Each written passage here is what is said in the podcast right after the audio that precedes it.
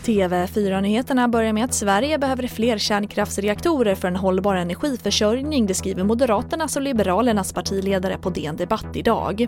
Partiledarna föreslår att det ska bli tillåtet att bygga fler små reaktorer på fler platser än vid de befintliga kärnkraftverken och att förbudet mot att driva fler än tio kärnkraftsreaktorer i Sverige ska avskaffas för att hänga med i utvecklingen inom kärnkraftsindustrin.